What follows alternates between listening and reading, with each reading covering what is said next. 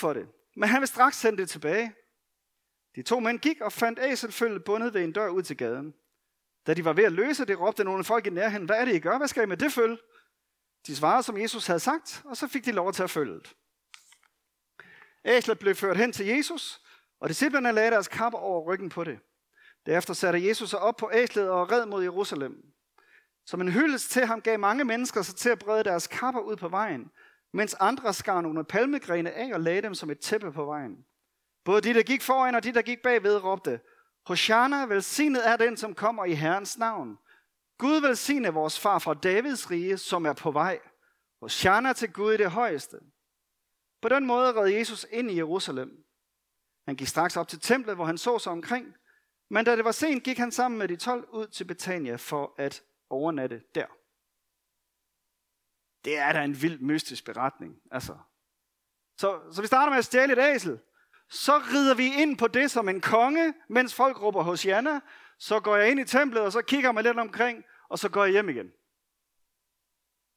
Prøv lige at lave en prædiken over den tekst. Det er faktisk det, jeg skal have i dag, jo ikke? Altså, hvad, det er der en mystisk tekst. Øh, tak for i dag. Det var så det. Øh, men selvfølgelig stikker der noget under, når sådan noget her sker. Det er et eller andet sted en øh, paradoxal historie. Øhm, og jeg har valgt at kalde det det omvendte rige, fordi det er i virkeligheden det, det handler om. Det er det omvendte rige. Øhm, der er en masse forventninger. Masse forventninger. Messias, ham der, der skal redde os, han skal komme, han skal smide romerne på porten. Der havde forud for det her i århundrederne op til, at Jesus kommer ind på scenen, har der været en makabær opstand. Altså der har været sådan en, en borgerkrig, hvor man har gjort oprør mod romerne, og faktisk i en periode også vundet og haft selvstyre i Jerusalem. Og faktisk så blev de der palmegrene, det var sådan et nationalt symbol. Det var på møntre fra, fra Maccabæer-tiden, er der palmegrene. Så når de tager palmegrene og lægger foran Jesus, så er det sådan ligesom, yes, nu kommer han og vil gøre det igen her, og smide de der romer på porten. Og, øh, og nu har han lige opvagt en død. Han har lige opvagt en, der har været død i fire dage. Helbredt skare. Og nu er det påske, hvor vi fejrer, at vi er blevet udfriet fra vores undertrykkere. Og nu drager han ind i kongebyen. Kan I se forventningerne? Altså, det kan jo ikke være andet end nu, det sker. Det er nu, han kommer. Det er nu, han løser det hele. Det er nu, han smider dem ud. Og Jesus betyder jo også jave frelser og så videre. Og Jesus kommer ned fra oliebjerget, som ligger lige ved siden af Jerusalem. Der er sådan en kløft imellem oliebjerget og Jerusalem. Han kommer ned og drejer rundt om hjørnet på et tidspunkt, hvor de sådan ser Jerusalem, og så kommer der virkelig Hosanna, som betyder, ja, som der er blevet sagt flere gange, hjælp. Så det er ikke sådan et halleluja-råb. Det er frels os, red os. Og så har jeg skrevet dog, ikke? Gør nu noget. Og det var det, man ville sige til en konge, hvis man ville bede om hjælp. Hvis der var noget, der havde været uretfærdigt, eller noget, der ikke var i orden, så ville man sige det. Og han kommer ned der af oliebjerget, og der er tusinder af skare foran ham og bagved ham. Vi kan sådan læse det i de der forskellige øh, beretninger, og drager ind i Jerusalem. Så, så alt tyder på konge, kapper på æslet, øh, palmegrene på jorden. De råber det, man råber til en konge. Alt virker til at være den historie. Og så er der bare nogle ting, der ikke stemmer alligevel. Fordi han kommer ikke på en stridshest, som er den måde, man vil drage ind i byen på, hvis man virkelig skulle være sejrrig. Det var både det, romerne gjorde, det var også det, jøderne gjorde, de jødiske konger, hvis ikke vi spoler helt tilbage til David. Men Jesus kommer på, kommer vi til, men Jesus kommer på et babyæsel. Og så er det som om, at de tænker, ja, det kan godt være, det ikke helt stemmer, men vi prøver. Ikke? Vi lægger kapperne, vi råber hos og vi vifter med palmegrene og råber hjælp. Og så kommer Jesus, og så tager han ind i templet og kigger sig lidt omkring og tager hjem igen. Hvad gik det ud på? Vil du noget, eller vil du ikke noget? Og de næste dage her, jamen øh, mandag dagen efter, så tager han så ind i det der tempel, han har kigget sig omkring i, og hvor han sikkert har observeret nogle ting, der ikke var i orden. I hvert fald tager han ind om mandagen eller dagen efter, og smider en hel masse vekselerer og krammer og alt sådan noget ud og siger, at de ikke hører hjemme der. Han kommer forbi et fint træ, som ikke har frugt, og siger, hov, jeg forbander dig, øh, gå hjem igen. Så kommer han dagen efter, fintræet er vistet, og øh, så begynder han ellers at undervise, og han bliver spurgt, og han advarer i lignelse, og han spørger som skat og kejserne og opstandelsen, og hvad er det største bud, og Jesus spørger, hvem er Davids herre? Han advarer mod farisæerne og de skriftkloge. Han kigger på en enke, der afleverer en lille skærv ind i templet og siger, at det er meget mere end dem, som giver rigtig meget. Og der kommer sådan en lille detalje, der kommer nogle grækere på besøg også, som gerne vil høre mere om, hvad er det, du lærer her, Jesus? Øh, Jesus underviser, taler om endetiden, taler om de 10 omfruer, talenterne og dommen. Judas tilbyder ypperste præsterne at forråde Jesus. Det er alt det, der sker om tirsdagen. Så taler man nogle gange om stille onsdag, det er fordi, vi ved simpelthen ikke, hvad der foregik. Hvad lavede han onsdag? Det ved vi ikke. Nå.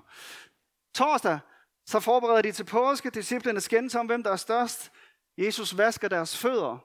Han udpeger Judas som forræder. Under påskemåltidet, de hedder spiser, han indstifter mindemåltid.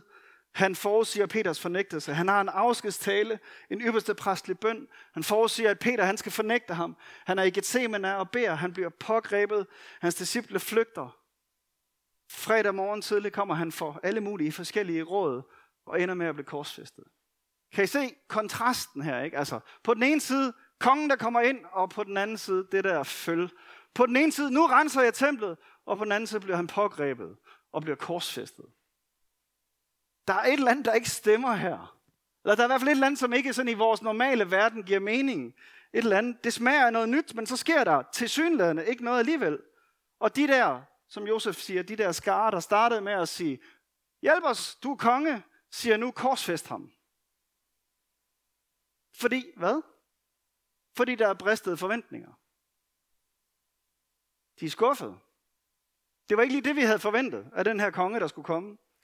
Og her ender vi jo også nogle gange, ikke? Vi forstår ikke altid, hvad det er, der sker. Eller hvad det er, der ikke sker. Hvorfor griber han ikke ind? Hvorfor gør han ikke det, vi forventer? Fordi hans rige er omvendt. Fordi hans rige ikke er af den her verden, siger han selv. Fordi han er lammet, der føres til slagtning, uden at sige noget, som det gamle testamente profeterede om. Faktisk var det jo sådan, at på den der, på selve påske, hvor man offrer lammet, det er den 14. Nissan. På den 10. Nissan vil man tage det lam ind, der skulle ofres. Så skulle det gå sammen med familien ind til de der fire dage, så man kunne nå og sige, Nå, hvor er du sød og dejlig, og finde ud af, at der ikke var nogen fejl med det, og alle de der ting. Og så skulle man slå det ihjel bagefter. Det er det, Jesus gør, da han tager ind i Jerusalem. Det er derfor, han tager ind i Jerusalem. Det er for at sige, jeg er det lydefri lam, der ikke har nogen fejl. Og nu vil jeg gå rundt i blandt jer, så I kan se, hvem jeg er. Og så I kan lære mig at kende. Og så skal jeg os til sidst. Der er en masse underliggende ting, der sker her, mens alt det her sker. Men han er lammet der, der bliver ført til slagtning. Det er ligesom det, der er hans gameplan. Så det er omvendt, det der rige. Den største skal være jeres tjener. Han bøjer sig ned og vasker disciplernes fødder, det som den laveste tjener skulle gøre, og siger, det her skal I også gøre. Disciplerne kæmper om, hvem der skal være den største. Han siger, den mindste skal være den største. Svaghed er en forudsætning for kraft. Død bliver til liv. Lige efter han er taget ind i Jerusalem, lige efter i Johannes evangelie, efter den her beretning, så siger han, hvis ikke vedekornet lægges i jorden og dør, bliver det kun det ene vedekorn. Det er simpelthen bygget ind i hele skaberværket, at død er en forudsætning for liv. At svaghed er en forudsætning for kraft. I det der lille skrøbelige vedkorn, som kan ødelægges så let, er der så meget livskraft, kun hvis det først dør. Kun hvis det først dør. Og på en eller anden måde er det det der omvendte noget, Gud han, sådan han bygger sit rige. Det skal dø. Jeg har for nylig læst en bog, der hedder Herredømmet af en historiker, der hedder Tom Holland, som har prøvet sådan at øh, kigge igennem hele kristendommens historie. Han er egentlig ateist, eller i hvert fald agnostiker. Øh, ikke troende på nogen måde. Og, øh, men han har sat sig for at prøve at kigge på, hvad er kristendommens historie, hvad er kristendommens påvirkning på verdens samfund, og specielt den vestlige verden. Og det er så interessant, fordi igen og igen, så konstaterer han bare, at uanset om de har magt eller ikke magt, så vinder det frem det her rige. Han siger, det er helt omvendt. Det her med, at det svage pludselig bliver stærkt. Fordi at de har et forbillede, som ved at underordne sig, ved at blive tjener, ved at blive svag, faktisk vandt, så går de i døden for deres tro. Så hjælper de dem, som er allersvagest, som ellers bare skulle være overladt til sig selv og dø, så hjælper de dem. Og derfor bliver alle folk glade for dem. Og han kan slet ikke forstå det der tydeligvis. Altså, på en eller anden måde, så er der noget unaturligt, overnaturligt i den her kristendom. Det er modsat al anden religion jo. Lige nu er vi ved at se den her serie, der hedder Vikings. Er der nogen af jer, der har set Vikings? Uh, og der er jo masser af religion sammenstød i den, fordi de hører om den her nye religion nede sydfra, ikke? Men de kan ikke forstå den der svage Gud, der dør. Hvad mening giver det? Hvad er det for en Gud, som dør? Vi skal da have en Gud, som, som vinder og som er sejrig. Og så er der en masse historier om, hvad det egentlig ender med, men øh, de forstår ikke det der, fordi det er ikke det, vi normalt forbinder med en Gud. Nu har vi jo lige haft salmerne som tema øh, her i kirken, og jeg kunne tænke mig lige at tage fat i en, en af salmerne, og bare lige kigge på et par vers der. Øh, en meget, som, som det jo oftest er, en kontrastfyldt salme. Den taler om herskars herre, og jorden skælver ved ham, og, og taler om Guds stridsvogne, og, og alene bare hver gang ordet herren er brugt, er det jo sådan virkelig, det er herskars herre, den højeste. Og så er der bare en anden vinkel også. Det er salme 68. Der er lige nogle enkelte vers. Gud er som en far for de faderløse. Han taler de hjælpeløse sag. Han regerer fra sin hellige trone. Han giver de hjemløse et hjem, sender de undertrykte i frihed og gør den glade. Du gav dem et sted at bosætte sig. Du sørgede for de svage i din godhed, Gud. Syng lovsange til Herren hver eneste dag, for han bærer vores byrder og redder os. Hvor Gud er en frelsende Gud, som en dog kan redde os fra død. Han bærer vores byrder. Altså han har lige sagt, lovsyng Herren. Altså himlen og jordens konge, universets hersker. Han bærer vores byrder. Den byrdebærende Gud. En Gud er normalt en, som skal tjenes, som skal ofres til, som man skal holde sig på god fod med, som er lunefuld, som er uforudsigelig, og som vi hele tiden skal prøve at sikre os, er okay med os. Og vi er okay med ham. Det er det billede, de havde af en Gud, alle guderne omkring dem. Det er det billede, man havde på Jesu tid af guder. Sådan nogle guder, som skulle tjenes, der skulle ofres, man skulle gøre sig godt, gode venner med den. Men den kristne Gud er omvendt. Han bærer vores byrder. Og Jesus kommer og siger selv, at han er faderens tolk eller oversætter og viser os, hvem han er.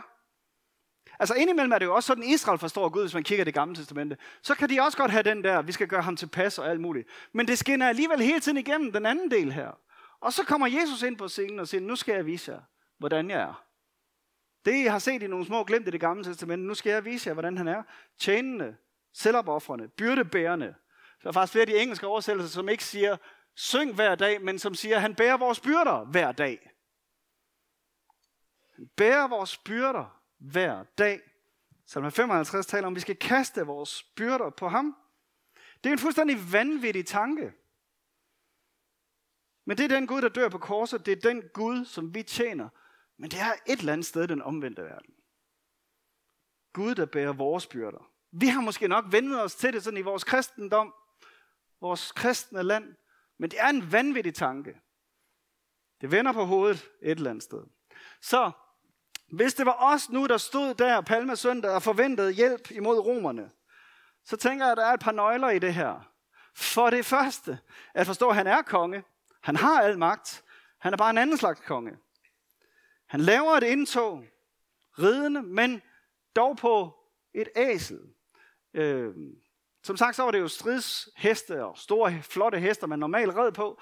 Øh, men tilbage i Davids tid, der havde David fanget det her, så han kom ridende på et æsel. Men efter hans tid, så begyndte de at ride på heste. Det virkede mere majestætisk, ikke? Og Jesus går tilbage og siger, han er jo af Davids slægt. Han går tilbage og siger, jeg skal have et æsel. Ja, jeg skal endda have et æsel følge. Og så ser vi den der henvisning til Zakarias, men det var faktisk overhovedet ikke et vers, man forbandt med Messias, det her fra Zakarias. som de citerer. Det er faktisk først i det 4. århundrede, jøderne begynder at forbinde det med noget messias forventning. I det 7. århundrede, der udrydder muslimerne alle hvide æsler, fordi de har læst det her vers. Ham der messias, han skal jo ikke komme længere, så vi fjerner alle æslerne. Jeg ved ikke, hvorfor det lige skulle være et hvidt æsel, det står der ikke noget om der, men det gjorde det i hvert fald. Øh, så han lader sig hylde kapperne og hyldestråben og alt det der, og anerkender, at han er konge. Så det er den ene ting, det må vi gerne forstå, jamen det er han.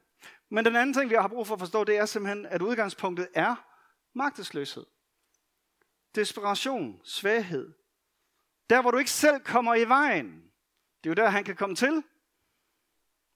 Der, hvor vi er afhængige af ham. Det der lille vedkorn, der er skrøbeligt. Jesus bruger en masse billeder om det her med Guds rige, men det er alle sammen sådan nogle små ting. Det er en lille klat surdej.